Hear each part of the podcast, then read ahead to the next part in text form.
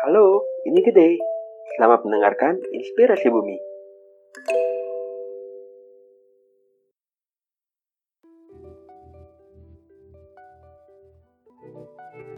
faktor apa aja sih yang bisa bikin sebuah lingkungan yang efektif dan juga ekonomis makasih kak Nah, ke siapa? Eh, eh, calling dulu. Kang Rahim dong, kan dari nama juga edukasi ekonomi lingkungan. Di- dijawab Kang Rahim enggak?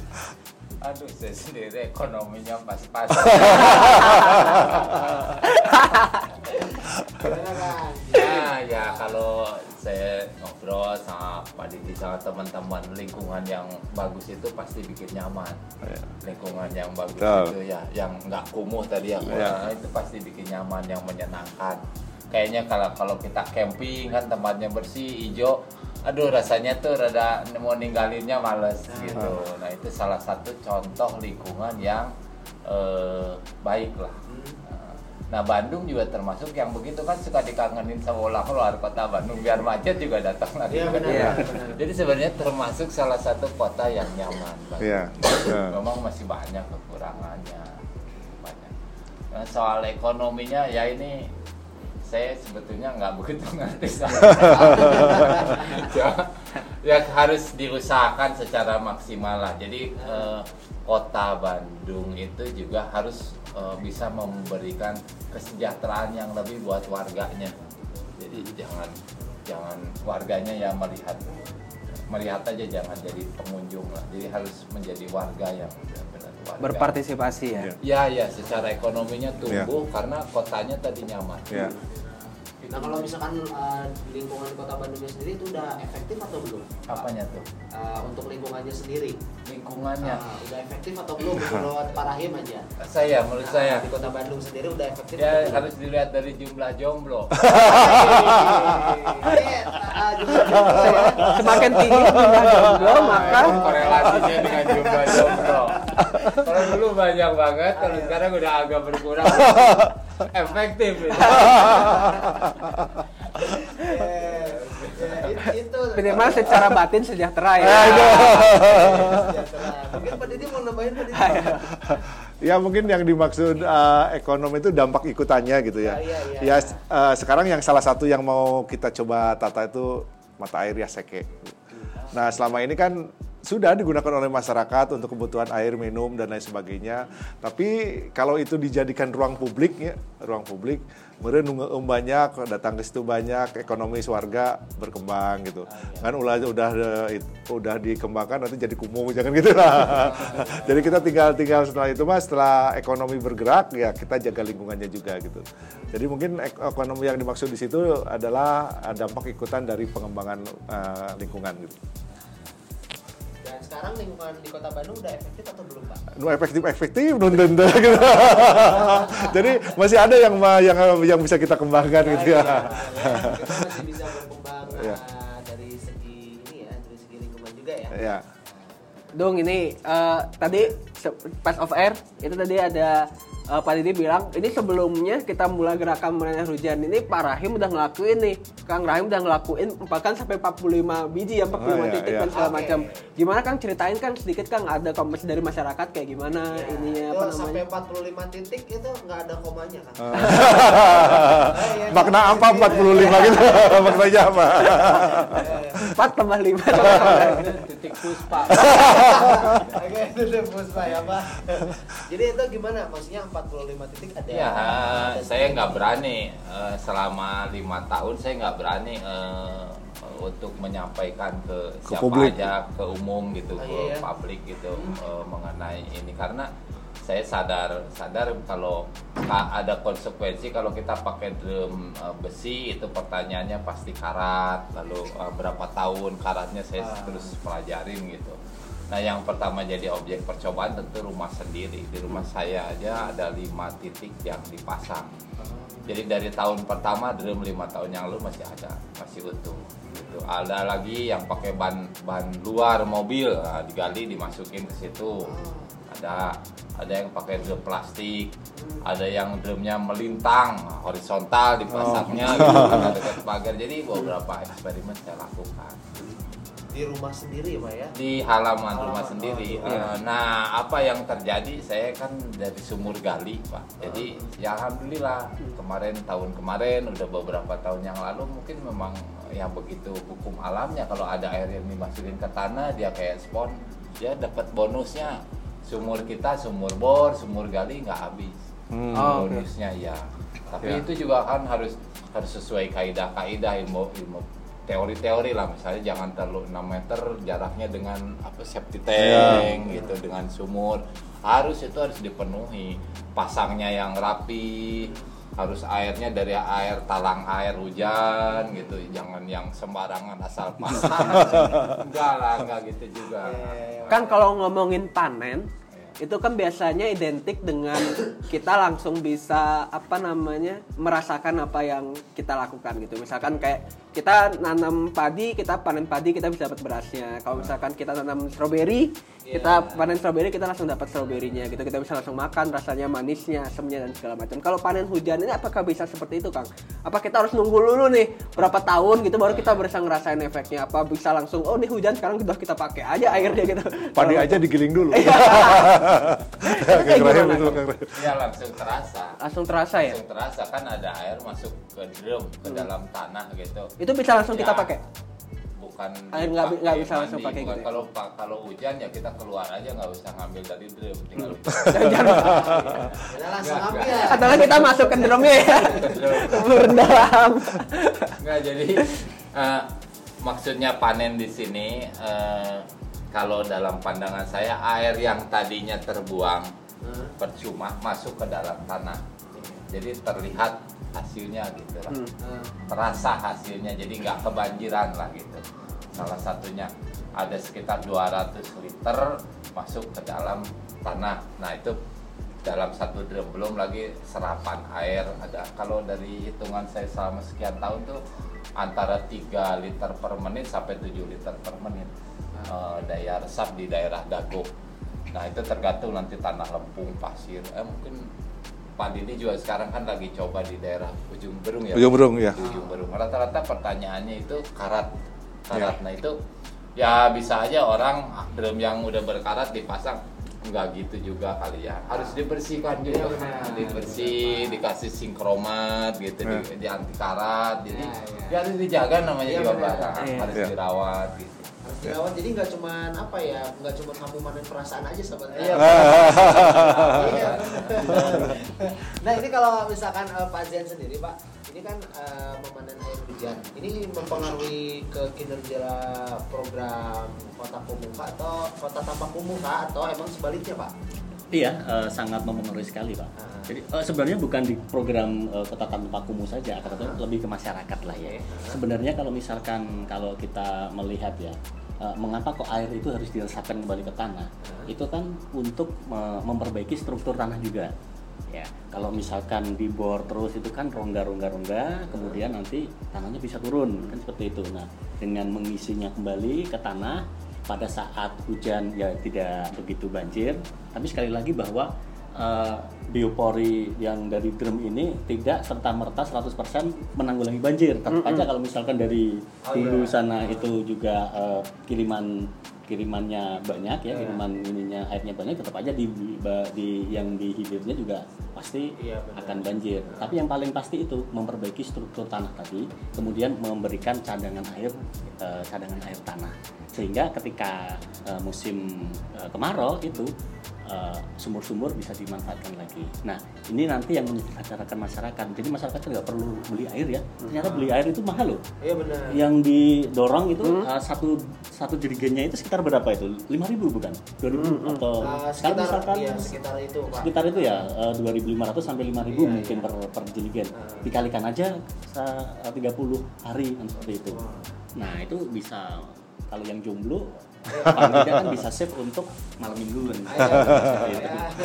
Iya, benar. Benar Kalau misalkan yang apa namanya? eh, air tanah apa yang sekarang dilakukan dengan drum pori ini kan memang kita memasukkan kembali airnya ke dalam tanah ya gitu Pak ya. Tapi kalau misalkan bisa nggak sih sebenarnya kan kayak tadi kan ada pasti ada banyak juga wilayah-wilayah yang sebenarnya bisa dibilang eh, kekurangan air terus mereka juga nggak punya penampungan dan segala macam atau mungkin nggak punya akses malah air minum ke situ dan segala macam Iya. bisa nggak sih sebenarnya air hujan nih dipanen itu beneran bisa langsung eh, memberikan manfaat atau bisa langsung dikonsumsi sama mereka gitu ada nggak sih caranya pak Wah, Kang Rahim juga udah punya nih teknologinya nih.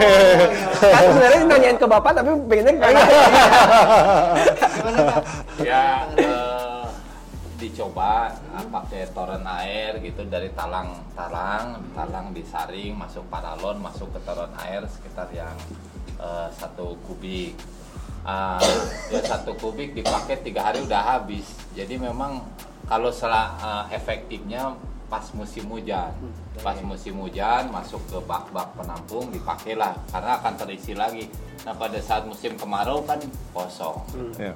Jadi eh, itu bagus saya kira eh, ya perlu dieksplor. Saya juga belum bisa launching juga gitu karena memang eh, selain dari sisi biaya juga lumayan, eh, perawatannya lumayan, lalu terpakainya selama musim hujan. Hujan, ya. Mungkin kalau perlu dipasang sih saya saya sependapat tadi dengan Pak Zen. Nah, itu uh, sama udah ngobrol juga dengan Pak Didi. Kalau kondisi di daerah hulu, gunung-gunung itu hijau, itu hijau, lalu di uh, saluran-saluran drainase ya Pak Didi, Ya. ya bagus, tidak tersumbat, sampah tidak masuk ke situ. Ya sebetulnya uh, drum-drum, sumur resapan nggak dibutuhkan. Ya. Sebetulnya kalau kondisinya kayak di hutan aja nggak perlu kan ada sumur resapan gitu kan. Nah karena kita kondisinya sudah mulai ya stadium satu mungkin agak sedikit perlu terapi lain gitu perlu terapi lain karena di gunungnya nanti di gunung mungkin akan dihijaukan oleh, oleh negara mungkin satu ketika akan hijau lalu eh, embung akan dibuat Pak Didi ini beberapa hari ini udah kontrol terus nggak pernah libur lihat mata air mau mau di, dikonservasi gitu. Mau dikonservasi nah kalau mata air dikonservasi eh, kebun-kebun katanya mau dibikin hutan ya hutan apa alami ya? Oh, Eh, apa sih kemarin DLH tuh saya dengar tuh mau Ya. dihijaukan kembali lah tanah-tanah pemkot ruang terbuka hijaunya ditambah. Iya. ya otomatis lebih baik Iya. kondisinya akan jadi lebih baik Iya. Nah ini Pak, tadi kan Pak Zen ngomong oh eh, drum pori atau gerakan manusia ini nggak bisa jadi satu solusi tunggal. Iya. Terus dari Kang Rahim juga kita udah masuk stadium satu lah gitu maksudnya udah ada indikasi-indikasi ini. Iya. Nah ternyata kan kompleks memang ya Pak permasalahan. Kalau Iya. misalkan selain memang dari gerakan manen hujannya ada nggak sih Pak inovasi lain yang disiapin sama DPU? Kemarin kita bareng DPKP 3 gitu cari-cari lahan Pemkot yang di pinggir sungai ya itu untuk parkir air gitu. Dan di Cisurupan tuh alhamdulillah banyak sekali tanah Pemkot yang potensial untuk dijadikan parkir air. Nah, cuma uangnya nggak punya gitu. Wah, Jadi airnya nggak punya uang buat parkir. cuma uang, alhamdulillah air tuh gak butuh uang gitu. Jadi akhirnya kita sepakat dengan uh, DPKP 3 udah kita swak kelola aja. Saya uh, kita kan PU punya punya alat berat gitu ya. Yang dibutuhkan BBM aja lah untuk BBM ada lah gitu ya. Jadi nanti kita tenaganya tenaga PHL uh, DPU sama DPKP 3. Uh, sekarang lagi dibantu untuk landscape-nya oleh Kang Yusing. Segera- Kemarin sudah ditagih oleh Pak Wakil janji dua minggu acan ya cerah. Jadi setelah itu nanti kita kerja dan alhamdulillah kemarin eh, apa namanya eh, BBWS datang juga kami kami mau ikut kolaborasi gitu gitu. Jadi eh, untuk di apa Cipanjalu di di atas ada ada, ada, lahan mudah-mudahan kita buat. Ada sisi lagi sungai apa itu namanya Ciloa atau apa gitu ya, itu juga ada eh, yang punya pertanian. Ibu Eli PLT-nya eh, Pak- Ibu PLT Kadisnya juga ngajak ke lapangan ayolah lihat dulu gitu gitu. Jadi eh, kita nanti kolaborasi nanti akan biasa saya tadinya tiap hari Kamis mau asur-asur kan nyari tanah yang eh, yang punya Pemkot di khususnya di jalur Pagarsi gitu ya. Kalau itu itu nanti kita buat juga. Nah karena sekarang BBW sudah masuk kalau kita nemukan tanah di Bandung Barat pun ya kita serahin aja ke BBWS walaupun karena eh, masih daerah mereka gitu ya Jadi parkir air ini mungkin bisa dijelasin ya Pak ya ke pendengar eh, kita sebenarnya apa sih manfaatnya nanti ada parkir air dan bakal ada berapa gitu rencananya sekarang gitu. Eh, pa- parkir air atau yang disebut kolam retensi, kolam detensi. Kalau detensi itu eh, air masuk ke situ dipertahankan supaya tetap ada air gitu ya. Kalau retensi itu ketika tidak musim hujan ya kering gitu. Apakah itu nanti diaktifas- eh, diaktifasi oleh masyarakat untuk lapangan poli dan lain sebagainya ketika tidak musim hujan. Atau misalnya kita sisain sebagai detensi ketika musim kemarau tetap berair tapi sedikit ketika musim hujan eh, nampung. Jadi sehingga ketika hujan masuk dulu ke situ air ke sungainya tetap mengalir seperti eh, apa kenaikan permukaan airnya tidak tidak tidak begitu eh, Jadi akan lebih drastis. stabil ya Pak ya. Betul, Iya, betul. nantinya, gitu, Jadi misalkan. jadi gitulah eh, itunya. Karena ada media penampungnya gitu Pak ya. Betul, betul. Nah, Ya seperti mobil lah jangan dulu lewat di Iya, jalan, parkir aja dulu. jangan Setelah dulu. kosong baru ada keluar gitu. sebelum sebelum kamu bayar jangan dulu keluar. Iya. Nanti nggak kebuka portalnya. Iya, buka nantinya. Nah ini kalau misalkan eh, Parahim nih, kalau ke Parahim sendiri karena emang eh, kan ada tingkatan ya tiap masyarakat tuh pasti ada tingkatan-tingkatannya dalam segi pemahaman. Hmm, hmm. Ya apalagi pengetahuannya tentang memanen air hujan. Iya, iya. Nah, buat Parahim sendiri ini tantangan paling besar atau tantangan terbesar yang emang dihadapi supaya bisa mensosialisasikannya kayak gimana? Kayak contohnya drum ini yang tadi kan dijelaskan. Ini kayak eh, harus Iya, iya, banyak iya. masalah-masalah kayak karatan tadi ya. Iya, iya. Nah, ini masalah terbesarnya apa, Pak? Ah, saya ada ada juga pernah kasih drum dua dua biji mau dipasang sampai sekarang dipakai untuk pembakaran nggak dipasang ada tapi eh, enggak lah saya nggak nggak punya masalah juga dengan masyarakat jadi ya nggak ada belum saya belum ketemu orang yang menolak untuk di, dipasang gitu saya belum ketemu bang jadi di Bandung itu hmm, eh, selama kita bisa menjelaskan secara baik Ya. eh, sopan santun tujuannya dijelaskan tidak ada masalah jadi di Bandung tuh enak lah buat eksperimen Iya. buat memperbaikinya lebih mudah lah sebetulnya Komunitas banyak gitu. komunitas banyak kita apalagi kalau nanti eh, hasilnya ada jadi tinggal nunggu gimana pak testimoninya Nah, gitu. Tinggal lihat testimoni gitu, Pak ya. Kamu nanti kalau dikasih apa sertifikat oleh Pak Wali, oh saya mau, saya mau, kan gitu. Untuk trigger aja lah. Nanti kalau udah bisa dinikmati apa namanya manfaat-manfaatnya dari drum Pori nanti karena ada yang SMS tuh. Oh, iya benar. Nanti pesan lagi sis. Ah, Ah, gitu. eh, Pak Wali juga salah satu testimoni Pak Wali persis seperti yang Rahim. Ah, Jadi di rumahnya tuh ada dua dua dua sumur resapan. Oke. Nah di dekat sumur resapan yang pertama dia tuh bik- bikin sumur. Jadi sumber airnya di, Pak Wali dari Kota sumur gitu. Pak Wali Kota. Oh. Ya di Cide, apa dekat apa Gunung Batu itu. Jadi ternyata di di tetangganya ketika kering sumur beliau mah masih masih. Akhirnya yang satunya lagi oleh tetangganya tadi diminta eh, Pak Pak Wali cina nu, hijina bade di sunkeun ku abdi cina bade damel sumur sacaket eta di, dibikin Jadi- sumur. Jadi akhirnya semua ya. Nah, yang dua ini nggak kering justru. itu jadi, ja- jadi, percontohan Itu ya. mah udah pengalaman cina geus lain cek lain lain cenah deui cina gitu.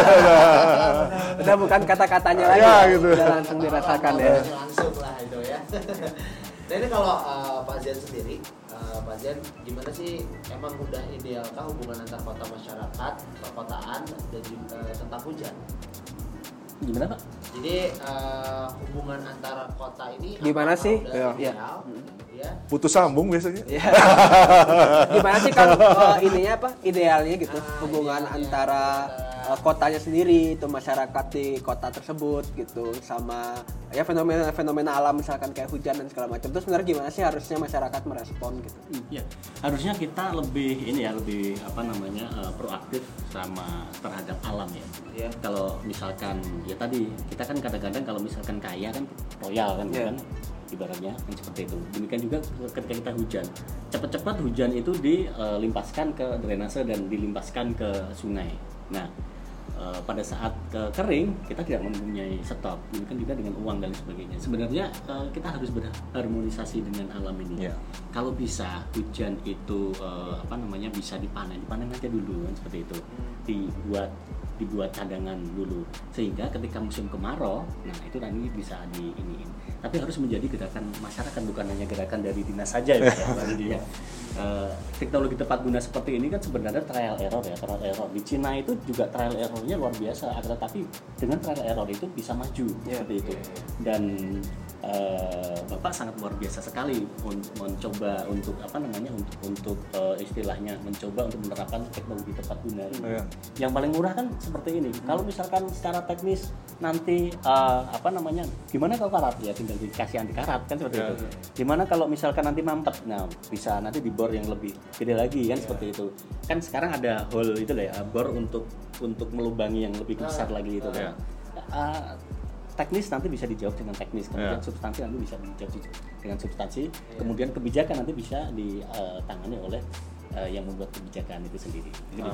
Kang sebaik-baiknya kota atau daerah atau wilayah apa atau eh, pemerintahan dan segala macam itu kan sebenarnya eh, daerah atau kota yang didesain bersama dengan masyarakatnya gitu. Tapi kan ini bukan pendekatan yang lumrah kan bisa dibilang di Indonesia. Maksudnya eh, belum lazim lah gitu. Baru baru baru inilah gitu kekinian bersama 4.0 dan segala macam itu yang eh, dia masuk juga dan segala macam. Ini gimana sih sebenarnya apakah sebenarnya masyarakat kita itu udah bisa eh, melakukan itu atau misalkan apa aja yang sebenarnya perlu di istilahnya diimprove atau ditingkatkan nih Di eh, masyarakat bagi ya. masyarakat untuk bisa melakukan perencanaan ini. Oh iya, sebenarnya perencanaan yang berbasiskan masyarakat itu kan eh, ya baru-baru ini memang baru-baru sih. Akan tetapi memang eh, khusus yang spasial, yang spasial itu yang menyeluruh ya, yang menyeluruh itu eh, baru eh, seluruh nasional itu di tahun 2016 lah. 2016 itu sudah eh, bisa merencanakan eh, satu seluruh kelurahan yang berbasiskan spasial ini dan eh, sangat luar biasa sekali sebenarnya. Di Kota Bandung itu sendiri ada 151 dokumen perencanaan yang berbasiskan spasial. 151 ber- saat dulu ada 151 ada 151 kelurahan berarti setiap kelurahan sudah melakukan itu. Sudah sudah melakukan Oh, itu. iya, iya, Dan iya. itu untuk memenuhi kebutuhan dasar masyarakat tadi, ya air bersih, kemudian eh, sanitasi, perbaikan lingkungan, dra- jalan, drainase dan lain sebagainya. Itu sudah sudah meng, apa namanya sudah menyeluruh seperti itu. Nah, tinggal menerapkan teknologi tepat guna tadi ya. Teknologi tepat guna itu eh, membutuhkan yang pakar-pakar lah ya, yang sudah sudah expert di dalam ini. Iya. Kemudian juga eh, ini terkait dengan desain. Nah, ini sudah sudah mulai eh, apa namanya masyarakat diajak untuk merencanakan dengan desain yang ramah terhadap difabel. Meskipun ya harus Yang inklusif ya. yang inklusif. Nah, ya ini PU sudah sudah ini ya sudah sudah melakukan ini Pak, Audit, ya. audit kemarin. sudah audit terkait dengan dengan dengan hal tersebut. Tapi memang nanti di permukiman itu bagaimana sih di permukiman itu juga difabel juga eh, apa namanya dimanusiakan lah istilahnya. Tidak apa kan jalan itu kan bukan hanya untuk untuk yang normal saja ya akan tetapi yang eh, apa yang difabel itu juga membutuhkan perasaan seperti itu mungkin ini eh, materi materi Ya. besok Pak, ya materi sambungan dari lain ini mungkin ya. Tapi yang paling beruntung itu, yang paling beruntung itu, ini drum power itu oleh Kang Rahim tidak dipatenkan. Lalu dipatenkan saya pakai karung. ada ini Jadi kalau masyarakat mau memulai untuk gerak ikut gerakan memanen air hujan caranya gimana, Pak? Ya. Nah, kalau sekarang tuh kami kan eh, kemarin eh, khususnya dan sektor ya eh, rajin banget nyari-nyari drum itu ya, karena mereka mungkin eh, salah satu eh, apa punya akses ke pabrik-pabrik sehingga kalau ada drum numpuk nggak kaup ada drum numpuk langsung ditanya boleh nggak ini saya ambil gitu gitu. Nah, akhirnya ya mudah-mudahan kalau itu banyak terus gitu ya eh, kita berangkat. Tapi keinginan kami itu kalau dari PU kalau memang itu diprogramkan untuk satu eh, satu wilayah atau kawasan kawasan kawasan supaya kelihatan efektivitasnya gitu. Tapi kalau misalnya masyarakat mau bersuadaya bersuadaya, oleh saya punya drumnya tapi nggak punya pabrikasinya, udah pabrikasinya kirimlah ke PU gitu ya. Nanti kita pabrikasi. Tapi nggak punya tenaganya, kami kirim tenaganya gitu. Pokoknya apa yang dipunyai masyarakat kita bantulah gitu. Tinggal kontak dinas Ah, eh, betul. pekerjaan umum. Ya. Oke. Nah, kalau fasilitatornya boleh ke Pak Heru, boleh ke Kang Windu lah gitu. Ya, ini karena ini kayaknya eh, harusnya sih bisa tambah waktu ya. Iya, seru banget ternyata. Iya, tapi tapi eh, ini kreatif. Jadi eh, makasih banyak buat kamu juga yang udah WhatsApp. Ini ada lagi WhatsApp ya. Eh, oh bukan, kira ya WhatsApp ya. Jadi makasih banyak buat kamu juga yang udah ikut uh, memberikan tanggapan sahabat kreatif.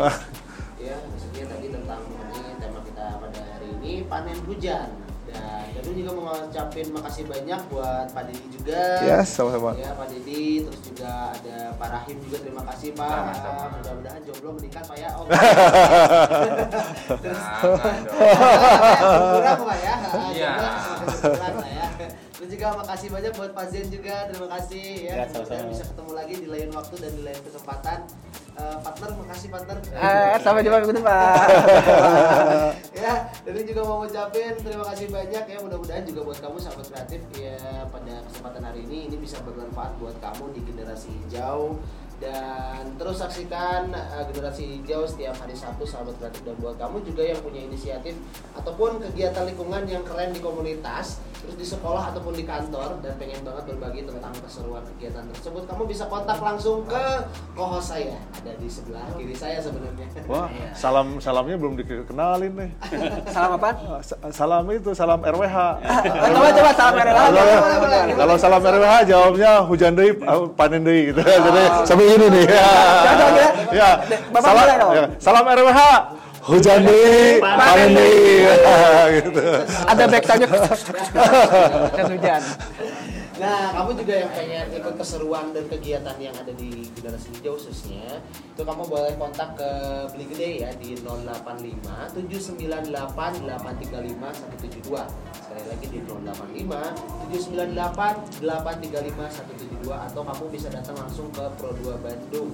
Kalau misalnya kamu nggak tahu sahabat tertib itu ada di Jalan Diponegoro nomor 61 Bandung di sebelah Daerah sahabat kreatif. Visi pokok ya siapa tahu nanti kamu bisa diajak siaran bareng sama Dadung di sini di Pro 2 96 FM ya di generasi hijau generasi edisi berikutnya. Jadi kalau misalkan kayak gitu, Dadung ngucapin terima kasih banyak Iya. ya buat semuanya juga. Sama-sama. Dan juga Pak Zen dan juga Siap. Ligde. Kalau gitu Dadung harus pamit, sahabat kreatif. Ya abis ini kamu bakal ditemenin sama eh, penyiar kecil juga, nggak kalah kecilnya sama Dadung. Ada Wildan. Jadi buat kamu tetap stay tune di 96 FM ada di Pro 2 Bandung, Ramadan bareng Pro 2. Hore.